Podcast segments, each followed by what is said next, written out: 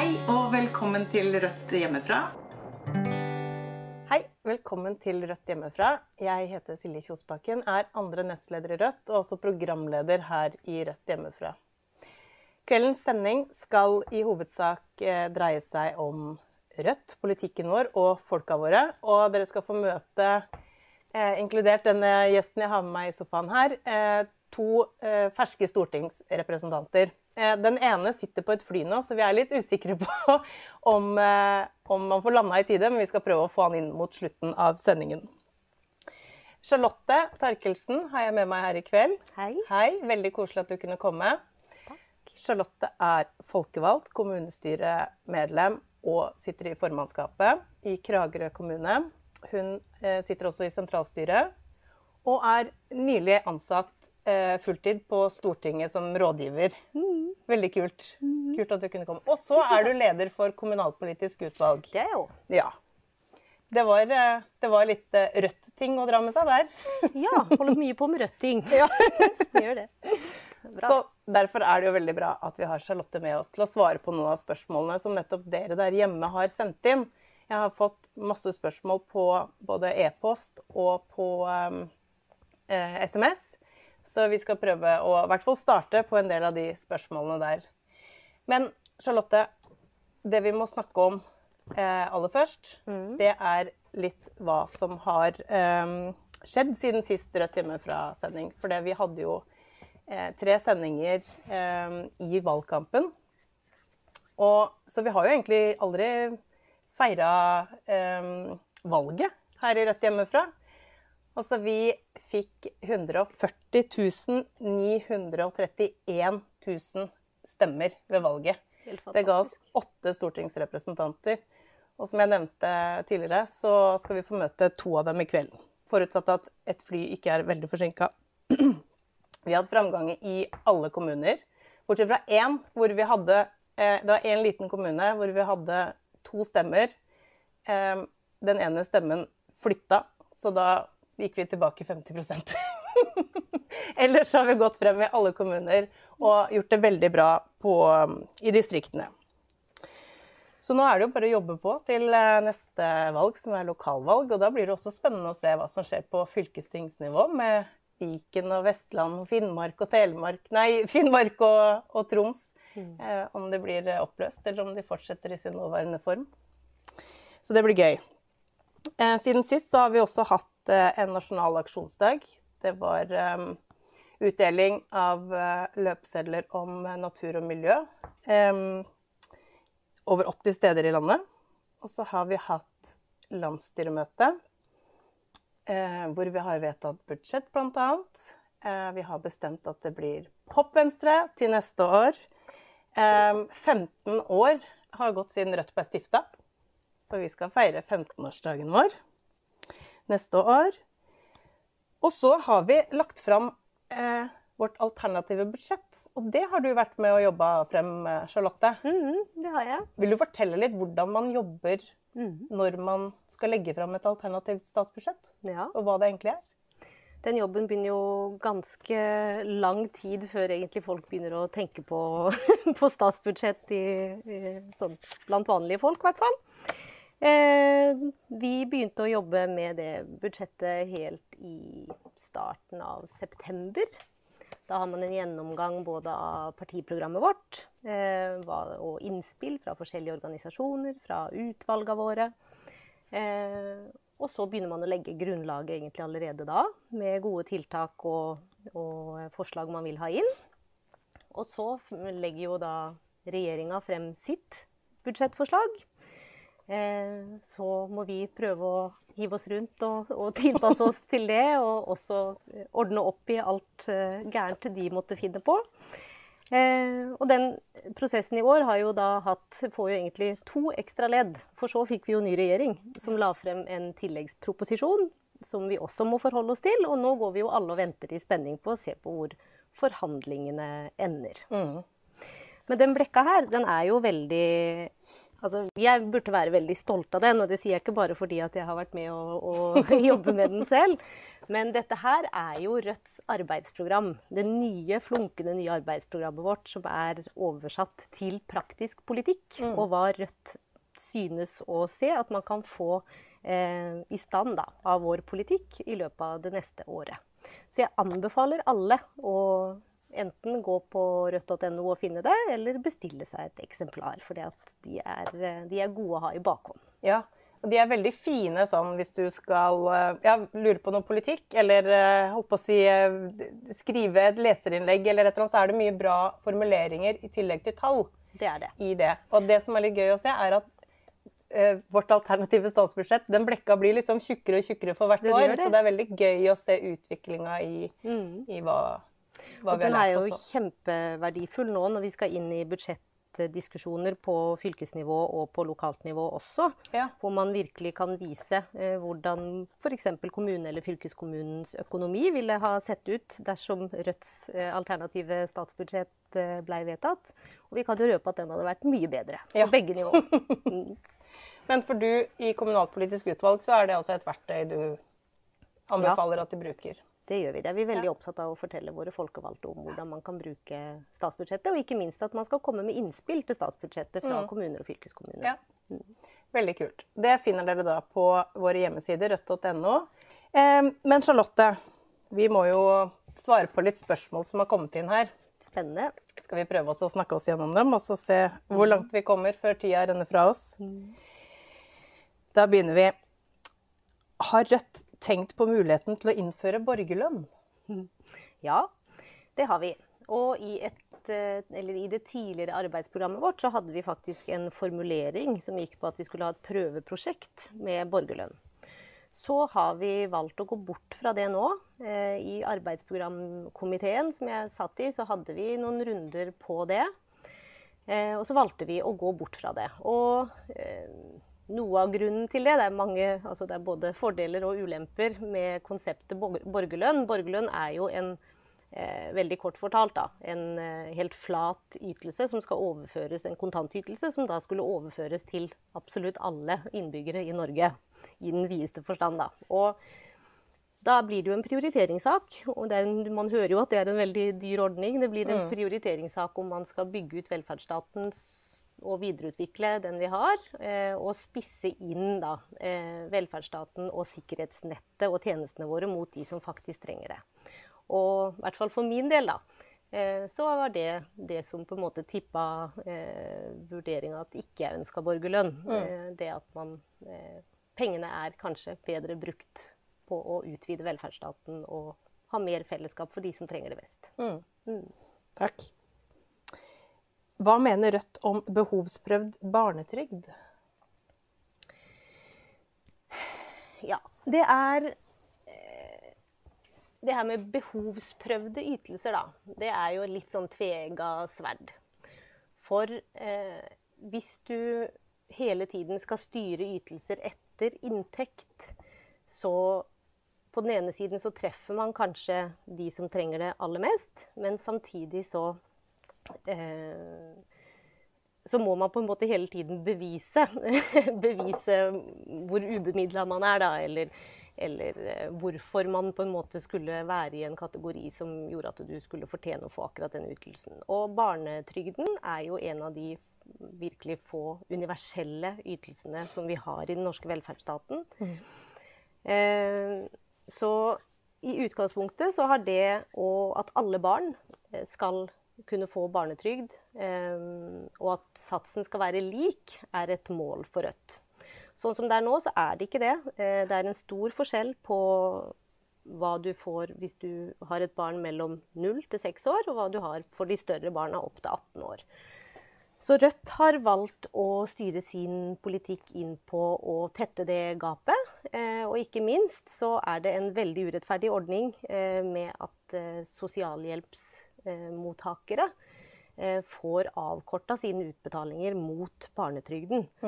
Altså at de trekker rett og slett eh, barnetrygden fra utbetaling av sosialhjelp. Og det De ser på barnetrygden som en slags som en inntekt, liksom. ja, som kommer da til fratrekk etterpå. Så Det gjør jo at de barna som faktisk trenger barnetrygden aller mest, ikke får den. Mm. Eh, og det er jo eh, noe Rødt har jobba for både i kommuner og på Stortinget, eh, for å prøve å få, for å få av, eh, avvikla den ordninga, da. Mm. Og det har jo gått gjennom noen steder. Noen steder Men, så har eh, det det. Bl.a. i den kommunen jeg kommer fra, så fikk vi til det. Og det er en del andre kommuner også som har fått det til. Men hvis man skal sikre at det skjer i alle kommuner, og at alle barn faktisk får eh, den rettigheten oppfylt, da, så må det skje en endring på Stortinget. Ja. Og det jobber vi med nå. Ja, det er eh, kjempebra. Kjempe, for det, det her er jo skikkelig urettferdig. For det, når du går på sosialstønad, så har du virkelig behov Eller barna har virkelig behov for denne Mm. eh, utbetalingen. Eh, og det, det er jo så urettferdig at du kan bo Altså egentlig være naboer, men bo i hver din kommune. Mm. Og så er det forskjell på de to kommunene. Så eh, det er noe vi må fortsette å, å jobbe for å få inn. Mhm. Neste spørsmål, er du klar? Jeg er klar. Kan Rødt lage et utkast til og foreslå en matkastelov? Noe lignende som de har i Frankrike? Det kunne vi ha gjort, fordi det ville vært midt i Rødts politikk. Men det er allerede vedtatt på Stortinget. Det ble vedtatt i 2018, etter hva jeg vet. Eh, men det har bare ikke blitt fulgt opp. Så da må det være at vi skal følge opp det vedtaket, da. Ja, men det kan vi være pådriver for. ja, det kan vi. Så, men et stort og rungende ja. Kjempeviktig. Ja. Mm. Kult. Kan Rødt foreslå å slutte med oljele oljeleting? Det har vi akkurat gjort. Gøy når man kan si det. Ja. Check. Check, check, ja. Det har blitt fremma forslag sammen med MDG og SV på Stortinget om å stoppe oljeleting. Og det er jo akkurat det Rødts politikk er. Det er jo det at vi skal slutte å leite etter olje og ikke åpne nye felt, fordi at vi allerede har funnet mer olje enn hva vi kan eh, tillate oss å bruke i et klimaperspektiv. Eh, I statsbudsjettet vårt, for å komme tilbake til det, så fjerner vi Det er jo den praktiske biten av det. Der, en ting er jo at man foreslår å slutte, men der fjerner vi også aktivt bevilgningene til, eh, til leitevirksomhet på norsk sokkel. Og, eh, og all petroleumsforskning som ikke er klimarelatert. Så vi gjør på en måte noen praktiske sånne bevilgningsgrep også, da. I tillegg. Veldig bra. Og så er vi jo for den grønne En omstilling. Ja. Og det er en veldig viktig del av det. Ja. man samtidig og parallelt med at man sier at man skal avvikle oljenæringa på sikt, så skal man jo også sette de som jobber i oljenæringa og industrien i stand til å omstille seg til ny og bedre og grønnere industri. Det er jo veldig dyktige folk vi har ute på plattformene. Mm. Så, og det, det som er eh, Det vi er opptatt av, er at det ikke blir en sånn brå, bråstopp Mm. når plutselig etterspørselen etter olje virkelig stopper. Mm. Um, så det gjelder å tenke litt langsiktig. Ja. Skal vi se, her er det en. Jeg er også veldig opptatt av at barn og unge ikke skal bli mobbet. Rødt må engasjere seg mer med å foreslå en lov som ansvarliggjør lærerne som lar mobbing foregå på skolen uten å gjøre noe med det. Ja. Det er ikke noe tvil om at mobbing er et kjempestort uh, samfunnsproblem. Og vi har sett noen stygge saker i mediene rundt omkring med kommuner som har kommet opp i ganske stort erstatningsansvar fordi at barn har vært utsatt for mobbing over lengre tid eh, og ikke, ikke fått den hjelpen de trenger. Men jeg tenker jo at liksom like mye eh, som å eh, peke på hvem som har skylda da, eh, gjennom lovverk, så tenker jeg at noe av løsninga må være å ramme inn barna i flere voksne, eller i flere voksne i hverdagen. Enten det er i barnehagen eller på skolen eller på videregående skole.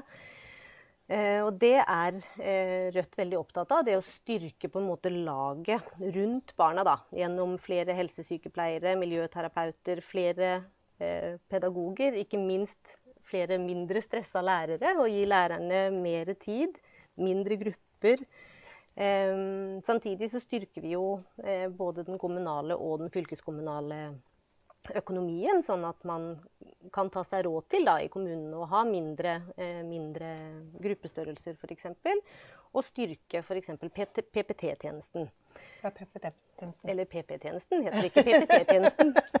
Det er eh, pedagogisk-psykologisk tjeneste i kommunene som skal hjelpe bl.a. barn og unge og unge voksne med særskilte behov eh, til å tilrettelegge skolehverdagen og, og hverdagen for øvrig. Mm. Veldig viktig, en veldig viktig del av velferdsstaten. Så jeg tenker at det å øke sjansene da, for at unge blir sett, at de får hjelp når det er noe som, eh, som går galt, og at de har et større apparat rundt seg til å følge opp og se at faktisk endringer skjer, da. At det er kanskje vel så viktig. Ja. At fokus er mer på forebygging og, Ja. og ja, styrke apparatet rundt. Eh, skal vi se Kommer dere til å gjøre noe med minstesatsene på AAP, ung uføre, uføretrygd og minstepensjon? Ja, de siste åra har jo regjeringa, Solberg-regjeringa, virkelig pepra altså, de som trenger sikkerhetsnettet vårt aller mest, med masse kutt i ytelsene deres. Det vi har valgt å kalle for usosiale Ja. kutt. Eh, Og Rødt har jobba masse med å prøve å, å rette opp i det, eh, og gjør det fortsatt. Eh, I statsbudsjettet vårt så gjør vi veldig mange grep retta inn mot akkurat de gruppene. For A, på AAP så reduserer vi det kuttet som ble innført for eh, unge mottakere under 25 år. Eh, Vi fjerner eh, den regelen som sier at uføretrygd og barnetillegget ikke kan overstige mer enn 95% av tidligere inntekt. Og vi øker barnetillegget for uføre. Og veldig viktig så beholder vi det fribeløpet til uføre, eh, som eh, både Solberg-regjeringa og tilsynelatende også nå den sittende regjeringa eh, ikke, eller fortsatt vil kutte i. da. Og når det kommer til pensjonistene, så har vi foreslått å eh, øke eh, pensjonen med 4000 kroner i året for minstepensjonistene. Eh, vi har også, det var ikke det akkurat en gruppe som ble spurt om her, men vi foreslår også å øke sosialhjelpssatsene eh, med 10% nettopp fordi at man har på en måte I Rødt så vet vi da at man blir ikke verken friskere eller mer arbeidsfør av å ikke ha penger. Nei. Selv om mange later til å tro det. Så eh, det, en, det å løfte den økonomiske situasjonen for de gruppene, det er kjempeviktig for oss. Og der Mm. jobber vi på mange, mange områder. Ja. For å spille litt videre på det, så er det jo blitt eh, gjennom retorikk til eh, i hvert fall den, den blå regjeringa som vi har hatt i åtte år nå, det her med, med den eh, arbeidslinja, at du eh, Du skal på en måte bli tvunget til å jobbe. Mm. Eh, fordi at eh, ja, de, de ønsker å sette ned, eller de setter ned liksom satsene, og tror at folk da, da kommer de seg i arbeid. Men er du ufør, er du, er du sjuk, eh, har du en sykdom, så kan du nødvendigvis ikke jobbe. Så det er jo litt sånne ting som er viktig for oss å ivareta alle de som har blitt straffa av de her usosiale kuttene.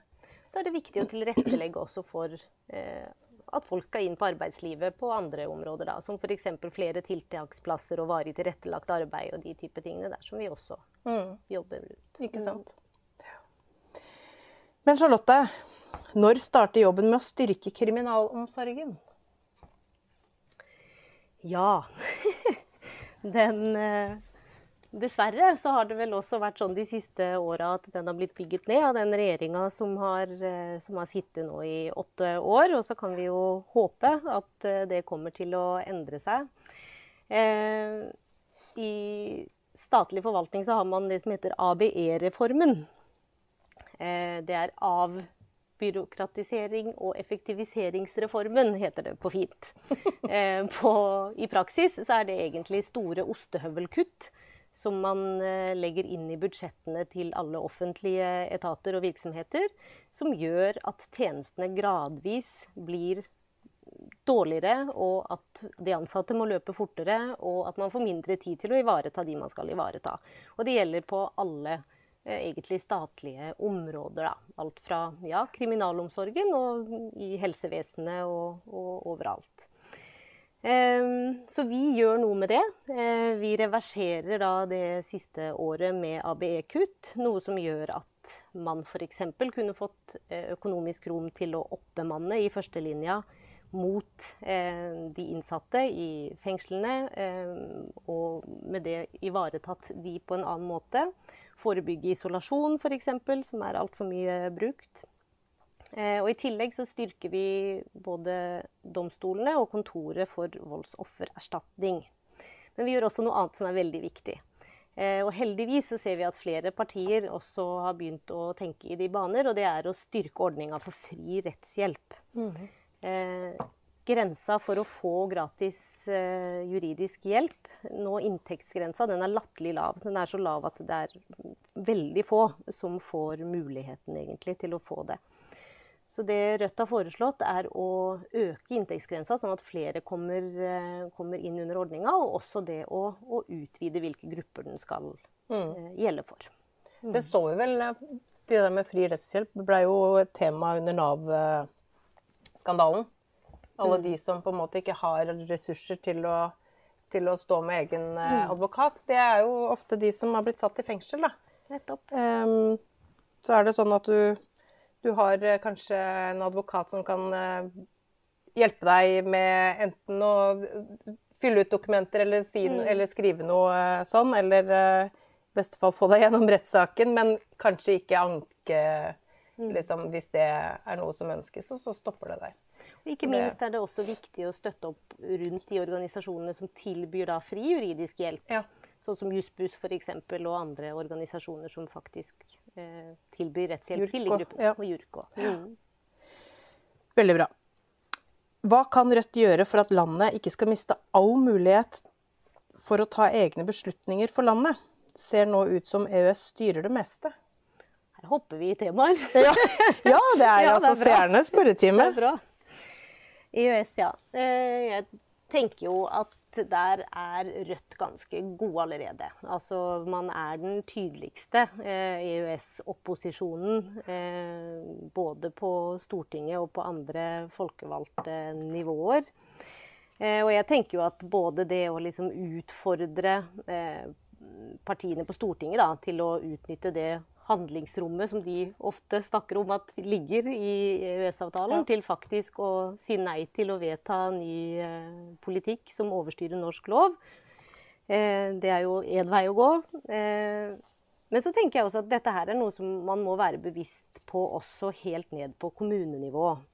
For man møter altså Én ting er at man hører veldig ofte om EØS liksom i arbeidsliv og i de store strukturelle debattene på Stortinget og sånn. Men, ja, ikke sant. Tog, strøm, altså i veldig sånne store, store saker, da. Men som lokalpolitiker så møter man EØS-regelverket hele tiden. Bare i anbud, f.eks. At ikke mm. man selv kan få lov til å At ikke kommunestyret kan bestemme hvor man skal ha kontorene sine, f.eks. I, i kommunal forvaltning, uten at man på en måte må innom EØS-regelverk og, og sånn. Vi hadde en situasjon i Kragerø nå for en stund siden hvor vi ville gi bort et skolebygg til, en, eh, til en, eh, noen som driver Montessori-skole. Det er et skolebygg som absolutt ingen har tenkt å bruke. Og da må det faktisk vurderes opp eh, mot et regelverk eller noen kriterier da, om man forrykker det Det er nesten morsomt å si det, om man forrykker det europeiske markedet ja, ved å gi bort en skole da, i et sånt konkurransehensyn.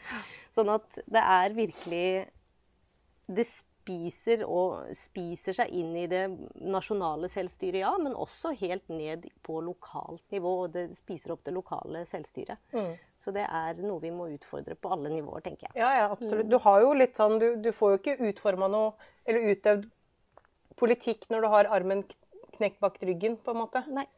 Så det, det, er noe vi må bevisstgjøre absolutt. Altså. Mm. Og ta liksom helt ned på kommunenivå, for det mm. angår eh, deg og meg i hverdagen i veldig stor grad. Mye større enn det vi er bevisst på, tror jeg. Mm. Så det, det Bra svart, Charlotte. Takk, Silje. Har du lyst på et nytt spørsmål? Ja. Vi ser på tida. Vi har eh, et par minutter igjen. Hvorfor er det kun oss med lav inntekt eller pensjon som må betale for klimatiltak? Det mener jo vi at eh, sånn skal det ikke være. Eh, heldigvis så ser vi også tendenser hos noen andre partier til at man tenker at, eh, eh, at man skal få en mer ja, en mer rettferdig innretning da, på, på, økningene i, i, i avgiftsnivået. Rødt er veldig for en klimarabatt. Vi er jo også for å øke f.eks. CO2-avgiften. Eh, Og foreslår det i budsjettet her, men vi foreslår også at eh, man skal betale tilbake den økningen til alle som tjener under 600 000 kroner. Eh, Og det vil jo si da at det vi er ute etter å ta, det er jo luksusforbruket. Både altså privatfly, som man har sett at vi har vært litt opptatt av i, i Ja. mediene. Eh, det her med toprissystem på, på strøm, at liksom luksusforbruket da, er det som, eh, som skal straffe seg avgiftsmessig. Eh, For vi er helt innforstått med at de som forbruker eh, og forurenser, må betale. Men at luksusforbrukerne de må ta en større del av regninga. Ja. Og for noen er det faktisk eh, Altså man har ikke noe valg for å komme seg til jobb eller Nei. for å levere eller hente barna på skolen eller, eh, eller eh, barnehage. Eh, og de skal jo ikke straffes. Et veldig stort eh, altså En viktig del av det er jo geografien i Ja. Norges land, som gjør at ikke alle bor i, i byer med go- godt kollektivtransporttilbud, f.eks. Så og det skal også hensyntas i en sånn klimarabatt. Ja. Mm. Nå har jeg et morsomt spørsmål til deg. Har du? Kan vi få slutt på å stille klokka til hesten? Ja! jeg syns den er ganske deilig. Ja. Jeg tror ikke det er noe Rødt har noe vedtatt politikk på, om jeg får lov å si det. Men i, av, i solidaritet til alle småbarnsforeldre med barn som våkner veldig tidlig, så tror jeg vi alle har, kan huske liksom, at uh, da var det veldig tidlig plutselig. Da var det ikke klokka seks, men klokka fem. da. Ja. Jeg husker den tida. Jeg hadde en, eller jeg har en sønn som pleide å våkne klokka fire om morgenen. Eh, så det, jeg forbanna det litt da. Men nå syns jeg det er litt deilig. ja. Man kan sove litt lenger på den andre sida. Ja. ja, ja, jeg skjønner. Men eh, på, på våren så har jeg veldig lyst til å kvitte meg med hele den tidsstillinga igjen. Så det, man er liksom like langt. Ja, man er det. Ja. Ja. Men altså, det har kommet så mange spørsmål, og vi har ikke rukket gjennom halvparten engang. eh, men eh, jeg er nødt til å la deg gå absolutt straks. Men til dere som ikke har fått svar på de spørsmålene dere har sendt inn, enten på e-post eller SMS, så lover jeg at jeg i løpet av de nærmeste dagene skal svare dere på de. Sånn at dere får svar på det dere lurer på. Men tusen hjertelig takk eh, for at du tok deg tida til å komme. Takk for meg. En det var ellers eh, hektisk dag.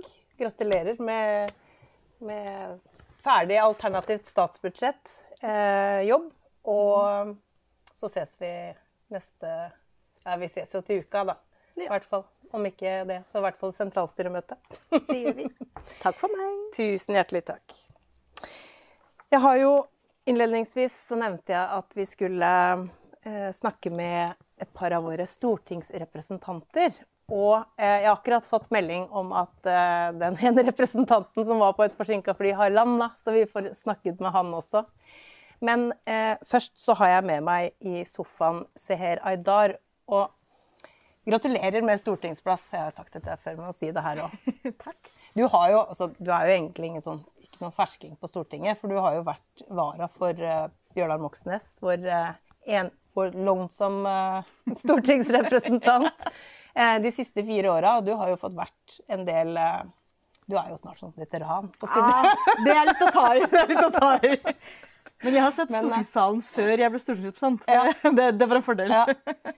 Men så du har jo liksom glidd litt uh, inn i det. Um, og du var jo også på Stortinget lenge før noen andre for å finne ut av hvordan man uh, skal gjøre ting på Stortinget uh, for fire år siden. Så det er veldig veldig gøy og vel fortjent at du nå endelig er en representant Takk. blant de 169 folkevalgte. Veldig kult. kult. Men da er det jo veldig mange som kjenner deg, men det er jo eh, kanskje ikke alle. Så vil du liksom fortelle hvem, hvem er du? Hvem er jeg? Eh, jeg heter Seher.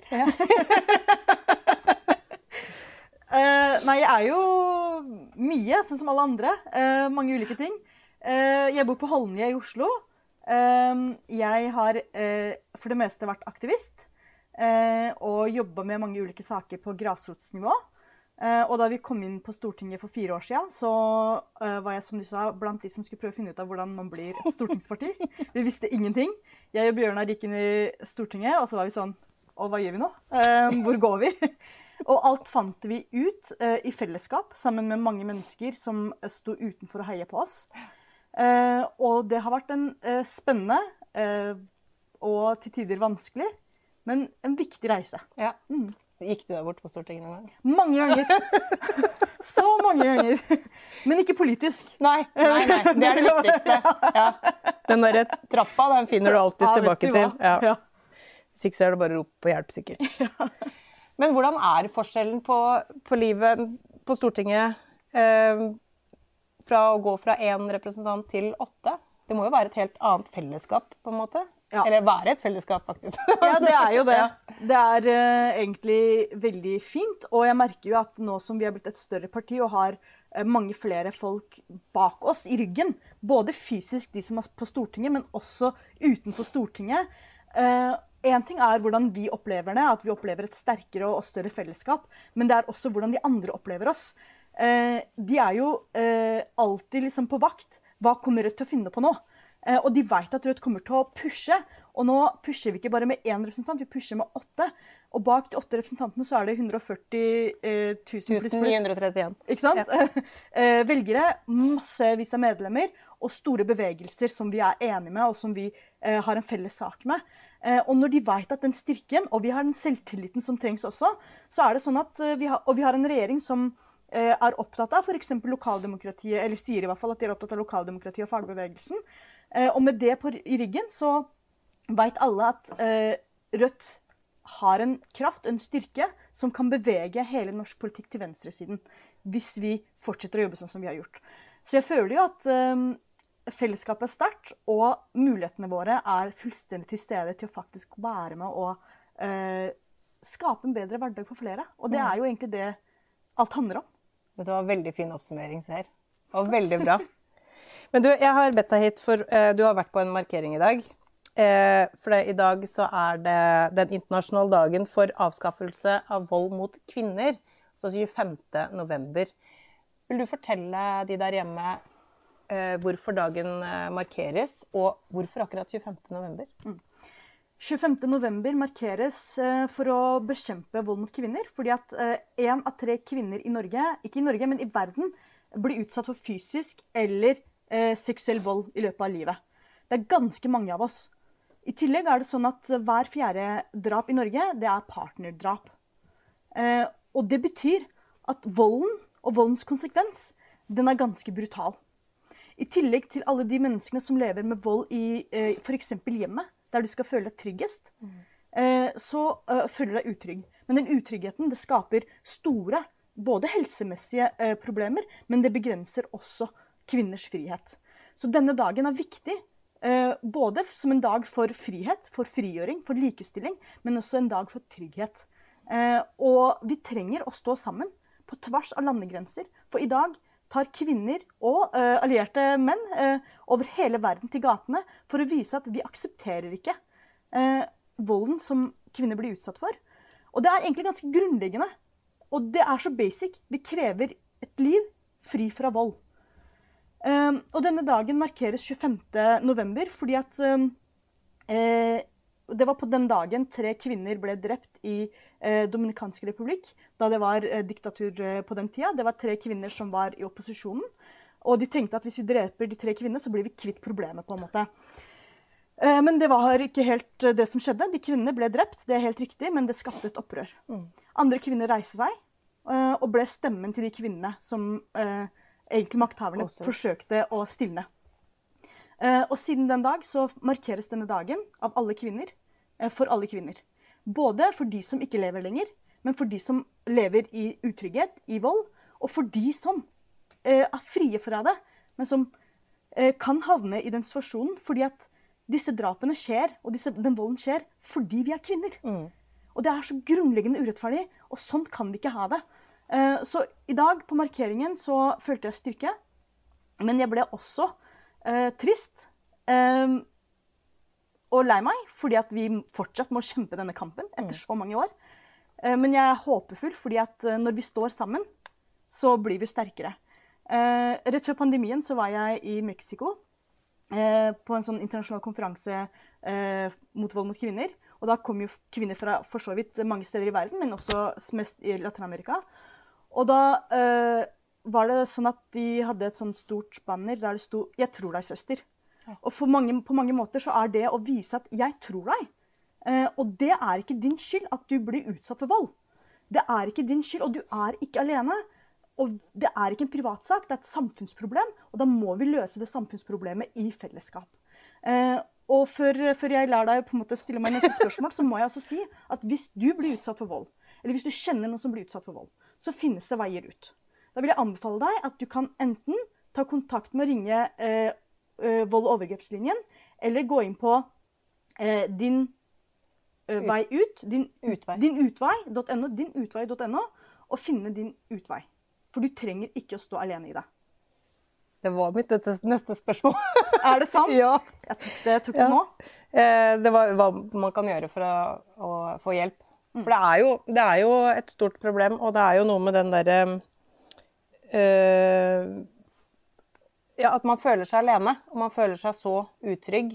Så disse to eh, rådene du kom med nå, med både telefonnummer og, og nettadresse, dinutvei.no, eh, er en start.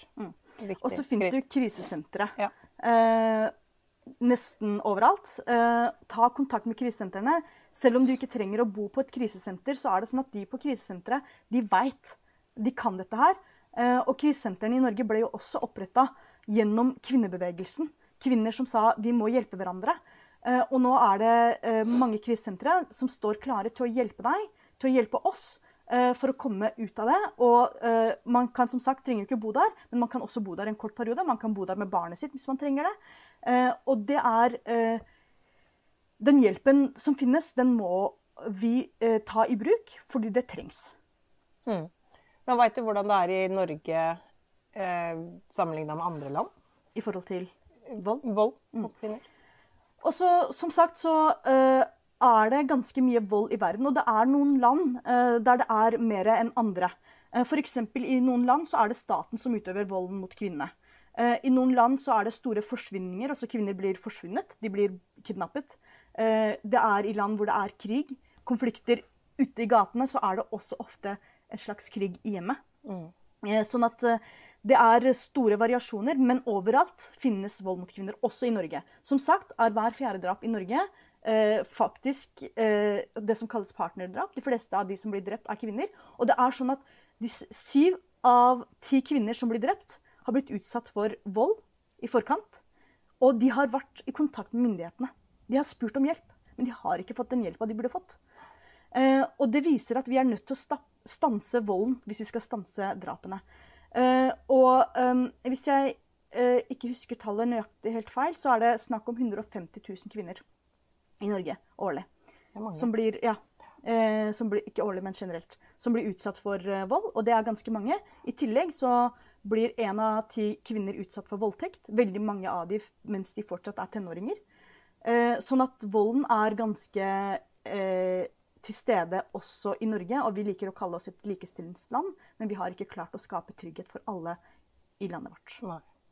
Men der kan jo vi som politisk parti eh, eh, prøve å bidra. Hva er, det vi, hva er det vi kan og vil gjøre? Ja, og det viktigste vi må gjøre, er jo det forebyggende arbeidet. Eh, Jeg vil egentlig starte med de som utøver volden. Eh, Fordi det er Vold oppstår ikke i et vakuum. Det er et resultat av en konsekvens av det samfunnet vi lever i. Vi er nødt til å oppdra mennene våre på en annen måte enn det vi gjør i dag. For de er ikke født til å bli overgripere eller, eh, eller eh, utøve vold. Det er vi som oppdrar eh, disse menneskene. Så jeg tenker at vi må starte fra barnehagealder, på skolen, i utdanningen av både lærere, barnevernspedagoger, sosionomer, politi, eh, helsepersonell. Alle sammen må både eh, spørsmål om likestilling, kjønn, grenser, vold, overgrep inn. Vi må lære oss dette her, og vi må lære oss å respektere hverandre på en helt annen måte enn det vi gjør i dag. Det er det første, men vi må også forebygge på mange andre måter. Eh, I tillegg til å forebygge. Og det bevilger også Rødt i det budsjettet dere snakket om. Masse penger til, mye mer enn det noen regjeringer har gjort. Vi må ha handlingsplaner, vi må forebygge vold. I tillegg så er vi nødt til å sørge for at hvis noen blir utsatt for det, så skal uh, hjelpen være der. Krisesentrene har ikke så god uh, finansiering som de burde få. Bedre finansiering til krisesentrene. Uh, bedre finansiering til alle de som forsøker å finne og hjelpe. I tillegg så er det sånn at voldsoffererstatningen har blitt litt dårligere enn det det var før. Så mange får ikke den oppreisningen de trenger. Så her er det mange ting vi som politikere kan gjøre. Vi må starte med forebyggingen. Og vi må sørge for at hvis det først skjer, så skal overgriperen faktisk få konsekvenser, ikke den som har blitt utsatt. Og den som har blitt utsatt, skal få en sikkerhetsnett og den hjelpen hun trenger for å komme videre i livet. Mm. Men hva, hva, kan man gjøre? Det står vel kanskje på nettsiden eh, vi viste. Hvis man vet eh, om noen som blir utsatt for vold? Ja, jeg vil absolutt anbefale alle om å si fra. Fordi jeg opplever at vi er veldig eh, bekymra for eh, vi, vil bry, vi, vi, vil på en måte ikke spørre for mye. Eh, og eh, jeg vil heller spørre én gang for mye enn en gang for lite. Jeg er ikke flau over å spørre. Men jeg blir veldig flau og lei meg hvis jeg ikke har spurt. Så jeg tror eh, Vis at du forstår, vis at du støtter, og gjør det på premissene til den som er utsatt. Det er den som er utsatt, som må bestemme hva hun trenger. Eh, og er du usikker på hva du kan gjøre, så kan du også gå inn på disse nettsidene som vi snakket om, og sjekke ut der. Og da får du masse tips og god veiledning til hvordan du kan bidra til eh, å hjelpe noens vei ut. da. Mm. Veldig bra. Eh, for det er jo Jeg kan bare legge til. Ja. For det er ikke så enkelt å komme ut av et voldelig forhold. Må jeg bare si, Det krever veldig mye styrke. Mer styrke å komme ut enn noen ting annet. Eh, og veldig mange må forsøke flere ganger før de faktisk kan gjøre det. Eh, I gjennomsnitt er det opptil Hvor mange ganger var det? Eh, kvinner som kommer, jo, eh, Gjennomsnittet av kvinner som kommer til krisesenteret, er de som har opplevd, eller vært i voldelige forhold i fem år. Mm. Så her er det snakk om ganske mange som er i det i mange år, og som forsøker å komme ut av det flere ganger før de faktisk til slutt klarer det. Så vis tålmodighet og forståelse, og gjør det på, til premissene på de som faktisk trenger det. Mm. Dette må vi fortsette å snakke om, men jeg har ikke mer tid i dag. Nei? Men uh, det er veldig viktig med bevisstgjøring, og du er en veldig viktig stemme for oss og for veldig mange der ute i uh, nettopp det her med kvinner og kvinnefrigjøring og kvinnekamp. Um, så det her uh, tar vi opp igjen. Se her. Men tusen hjertelig takk for at du tok deg tid til å komme hit. Det satte jeg veldig stor pris på. Takk. Sikkert de der hjemme også. Tusen hjertelig. Da skal vi få snakke med en som eh, har sittet på en flyplass i mange timer, og nå endelig eh, ser ut til å ha kommet seg eh, hjem. Jeg har skrevet i manuset live fra Bodø, spørsmålstegn. Live fra Stokmarknes, spørsmålstegn. Nå er det live fra hjemmekontoret. Ja, nå ja. er det hjem live fra, fra hjemmekontoret. Så bra. Du har litt av en reisevei. Ja, og noen av fordelene med å bo bo sånn som jeg bor, er det rett og slett det at når eh, fra jeg landa på, på, flyplassen Stokmarknes-Skagen, så er jeg i løpet av 17-18 minutter hjemme på kjøkkenet hos meg sjøl. Det er det de færreste i Oslo som, eh, som har. Så ja, så det, men det er lang reisevei. Starta vel klokka ja, kvart på, kvart på tre fra, fra Oslo og kontoret vårt på på, på Stortinget, og du endelig kommet hjem. Ja, det var godt. Men eh, jeg må jo, før vi, eh, vi og dere der hjemme blir litt bedre kjent med Geir, så må jeg jo spørre et sånt åpenbart spørsmål. da. Har du pendlerbolig? ja, jeg har pendlerbolig. Og hadde jeg fått ei krone for hver gang jeg har fått det spørsmålet de siste, siste seks ukene, så hadde jeg ikke trengt eh, stortingsgodtgjørelse. Jeg hadde klart meg fint på det. Det har jo blitt eh, høstens ord. Men du Geir, um, det er jo mange der ute som ikke kjenner eh, så godt til deg og uh, hvem du er. Vil du fortelle litt om deg selv? Ja, i Rødt-sammenheng så har jeg jo vært medlem siden 2010. Det begynner å bli elleve år. Lokallagsleder her i, i Hadsel i mange, mange år. Og medlem i kommunestyret, formannskap og 2019 så kom jeg inn i, i fylkestinget i Nordland som en av en gruppe på tre. Eh, daglige arbeid har jeg jo hatt i mange mange år i Naturvernforbundet med nordområdearbeid og som regionsekretær. Og før det så har jeg vært eh, kystfisker med egne båter og også mange år som journalist. Det er jo det som er i, i, i bunnen, som, som, det heter. Yrket mitt er jo, er jo journalistikken. Eh, og så eh, har det blitt mer og mer eh, politikk etter hvert, da, og så nå er det nå politikk på full, på full tid som stortingsrepresentant fra Nordland. Det er vi veldig glad for. Men eh, Nordland er jo et eh, ganske langstrakt eh, fylke. Hvordan har det vært å drive valgkamp der? Ja, vi som nå bor her og er herifra, vi er jo vant til, eh, til hvordan det er. Det er jo sånn at fra sør i Nordland, i Bindal, så er det 80 mil til Oslo. Og fra Bindal til lengst nord i Nordland, eh, til Andøy, så er det også 80 mil. Så, eh, så vi har et svært, eh, et svært fylke, og, og, så blir jo valgkampen deretter. Det blir mange, mange timer i bil. og av og til så må vi nå ta hive oss på, på småflyene på kortbanenettet her og prøve å være overalt. Men det, det er nå sånn vi er, vi er, vant til. Så, så det, det, det, går greit. Men klart i en valgkamp så, så, må man anstrenge seg litt ekstra. For det er ikke bare å og Hvis du har mål om at alle skal bli sett og du skal være til stede overalt der det skjer, så er det å være på farten. og Det ble mye overnattinger rundt omkring, enten hjemme hos folk eller på, på camp, campinghytter, eller hvor man, hvordan man velger å gjøre det. Ja det, ja, det blir jo nettopp det. Da er du mye borte fra familien og blir mange reisedøgn sånn sett, når det er så store avstander at du må overnatte. Sånn er livet her. Ja.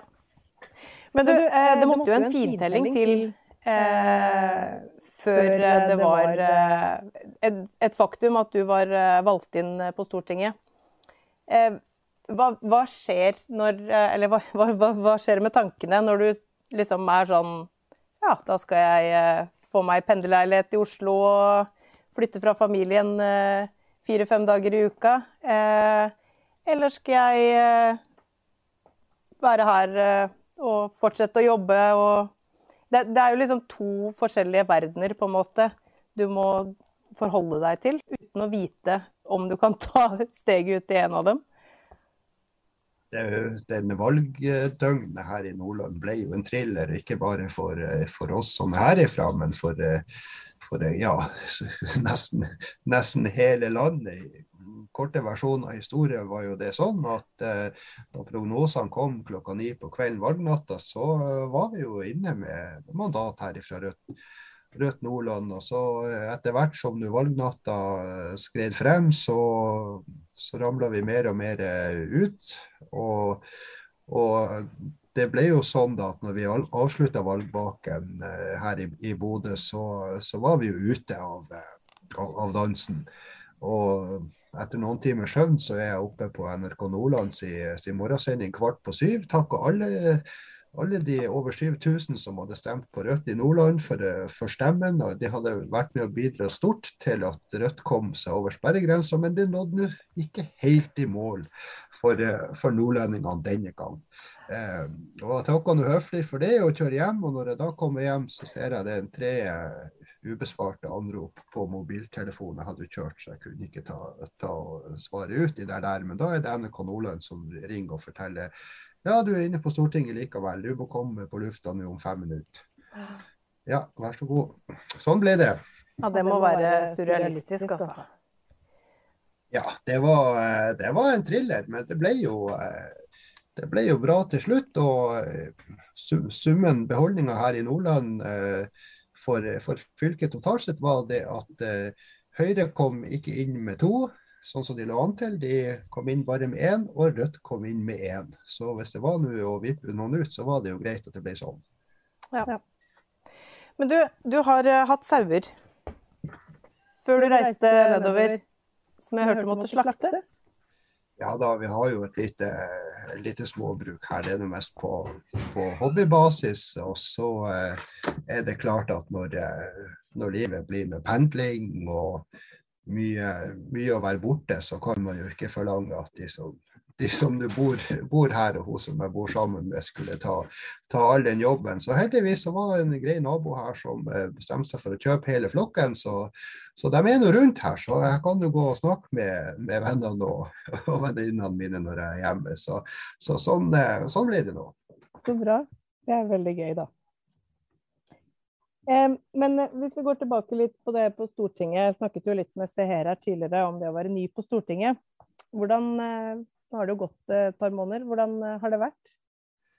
Ja, det har jo vært Jeg må si det, det har jo vært en eneste lang opptur for, for oss i, i, i, Rødt og for meg. Og jeg tror jeg har egentlig de, de andre syv representantene med på med på det. Vi har jo fått ei, synlighet som, som, vi ikke kunne drømme om ute, både i media og blant, blant folk. og eh, det, det, har vært utrolig fint. Og så er det selvfølgelig det, det er mange nye ting å, å sette seg inn i. Det tar, eh, det tar sin, eh, sin, tid å komme inn i, i rytmen, men dette er vi jo godt i, godt i gang med. og De første ukene her har jo selvfølgelig vært prega av at vi alle sammen i, i stortingsgruppa og i råd, rådgiverne skulle lage et kjempegodt godt budsjett, et Rødt sitt alternative budsjett. og Det var vi jo ferdig med og fikk lagt frem i, i forrige uke. Så det er det som har prega tilværelsen, å få, å få det her best mulig. Og så må jeg jo si at det har jo vært eh, et, eh, litt av et styr i, i Stortinget med regjeringsskifte som det, når de først eh, ikke klarer å lage en flertallsregjering, og alle disse skandalene som har blitt rulla opp i, i, i, i, tur og orden i forhold til representantordning og pendlerleiligheter og, og, og, og, hva det skal være. Så det har jo vært, eh, vært en ganske dramatisk eh, oppstart for, eh, for, for, Stortinget. Og så må jeg jo si det er jo helt utrolig at eh, at regjeringa klarer å gjøre det så, gjør det så, så, så, dårlig de første ukene. De har jo fått den absolutt verst tenkelige eh, starten, og det har de jo klart sjøl. Ja. Men hva var det aller første du gjorde da du kom inn på Stortinget? Ja, det, aller første jeg gjorde første dagen, da tok jeg på meg det, de nystrikka ullestene fra svigermor i, i Balsfjord. Og gikk på mitt første stortingsmøte og opp på talerstolen. Og etterpå det så tok jeg et bilde og sendte, og sendte til, til strikkeren. Det sto ingenting i stortingsreglementet om ullester. Det sto veldig mye om slips og skjorte og farge og, og sånt. Så det var noe jeg hadde syntes det var viktig å gjøre, og det gjorde jeg. Så kult. Veldig kult. Um, hvordan har det vært, eh, eller uh, hvordan syns du at det blir tatt imot av de andre partiene? Og hvem sitter du ved siden av? Ja, på min uh, høyre side så har jeg Arbeiderpartiets parlamentariske leder Rigmor Aasrud fra, fra Oppland. Hun har jo vært en, en travel dame, sånn som det har blitt. Så de gangene jeg møter til eh, Stortingets eh, start eller sitter i salen, så har jeg stort sett uh, sittet alene på min plass. Hvis om du vet hvordan stortingssalen ser ut og hvordan det er, så sitter man jo to og to. Man sitter jo ganske tett. Det er jo små, små, små benker og små stoler, men det er jeg og Rigmor Aasrud som, har, som, som sitter sammen. og på den, den delen av, av, stortingssalen som, som, jeg sitter i Nordland, Nordland, så er det jo Nordland og, og Oppland som sitter, som sitter sammen. Mm. Ja, for det er jo lett å tenke at partiene sitter altså delt inn parti for parti. Ja, man sitter jo fylkesvis, og det er jo sånn man blir, blir, blir valgt inn også. Ja. Men eh, sånn eh, litt mer politisk, da. Hvilke saker eh, blir viktige for deg fremover som representant? Ja, Det er en mengde saker. Jeg sitter jo i, i næringskomiteen, som har et svært spennende spenn av saker. Det er jo tre ministre man har å forholde seg til. og tre, tre Det er jo både fiskeri, Fiskeridepartementet, Landbruksdepartementet og eh, Næringsdepartementet. Og, og, det som blir, blir viktig nå fremover, det, det, er jo på, på, sektoren å være synlig på, på, på landbruk spesielt. At, eh, at bøndene skal få et inntektsnivå som er på, nivå med resten av arbeidsfolk her i landet. Det har jo hatt et stort, eh, stort bondeopprør opprør som har gått utover våren. og det her skal vi skal vi følge opp. Og samme er det med, med fiskeripolitikken, som, som, er så viktig nå at vi klarer å få, få fordelt noen ressurser over på den flåten som både er mest klimavennlig og som er, som er ressursvennlig, kystflåten, og, og gjør noe med de, de, aller største trålerne og sånt. er jo bare noen få søkkrike familier som sitter og rår over det her milliardverdiene. Så det her kommer til å bli, bli kjempeviktig. I tillegg til, til, at du har både landbruk og, og fiskeri og, og næring, så, så, ligger jo mange av miljøsakene de ligger jo i skjæringspunktet mellom eh, næringskomiteen og energi- og miljøkomiteen. Og det å kjøre frem nå en en rettferdig miljøpolitikk som, eh, som, alle kan slutte seg til, og som, som er sånn at det ikke bare de, de aller rikeste som skal kunne kjøpe seg miljøsamvittighet. Det blir kjempeviktig fremover. Og for å si det rett ut, når vi nå ser eh, både budsjettfremlegget til, til regjeringa og ellers debatten, så kommer Rødt til å spille en utrolig viktig rolle i de her spørsmålene fremover. Mm. Charlotte var jo gjest hos meg tidligere i sendingen og snakket også litt om eh, dette med rettferdig miljøpolitikk. Så det er veldig viktig å holde god fokus på det fremover også. Ja, og det er klart de her sakene som, uh, ja, som er mer sektor, uh, sektorvis, altså landbruk, fiskeri, miljø, den type ting, de vil jo komme sterkere frem. Nå har vi jo hatt et fokus nå de siste, eller de første ukene på Stortinget på alle de usosiale kuttene og eh, strømpriser og den, eh, den, type ting som kommer. Det er jo helt, helt naturlig at de, de her tingene har, har dominert eh, veldig mye i den første, første, fasen her, når vi ser at eh, Arbeiderpartiet f.eks. legger frem en, en 100-dagersplan, og så er budsjettene deres sånn at det kommer ta, til å ta 100 år eh, for å nå denne planen, så nå de her målene som de har satt seg. Så at folk har vært i opprør, enten det har vært feriepenger på, på arbeidsledighetsstønaden eller andre, andre usosiale kutt, som, som den påtroppende regjeringa ikke reverserer. Det,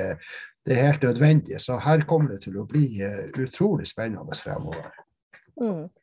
Jeg har full tillit til at du uh, følger opp dette på en uh, utmerket måte. Men du, har, Vi er nødt til å runde av aldeles straks, men jeg har ett spørsmål til til deg. Hvor mye makt føler du at du har?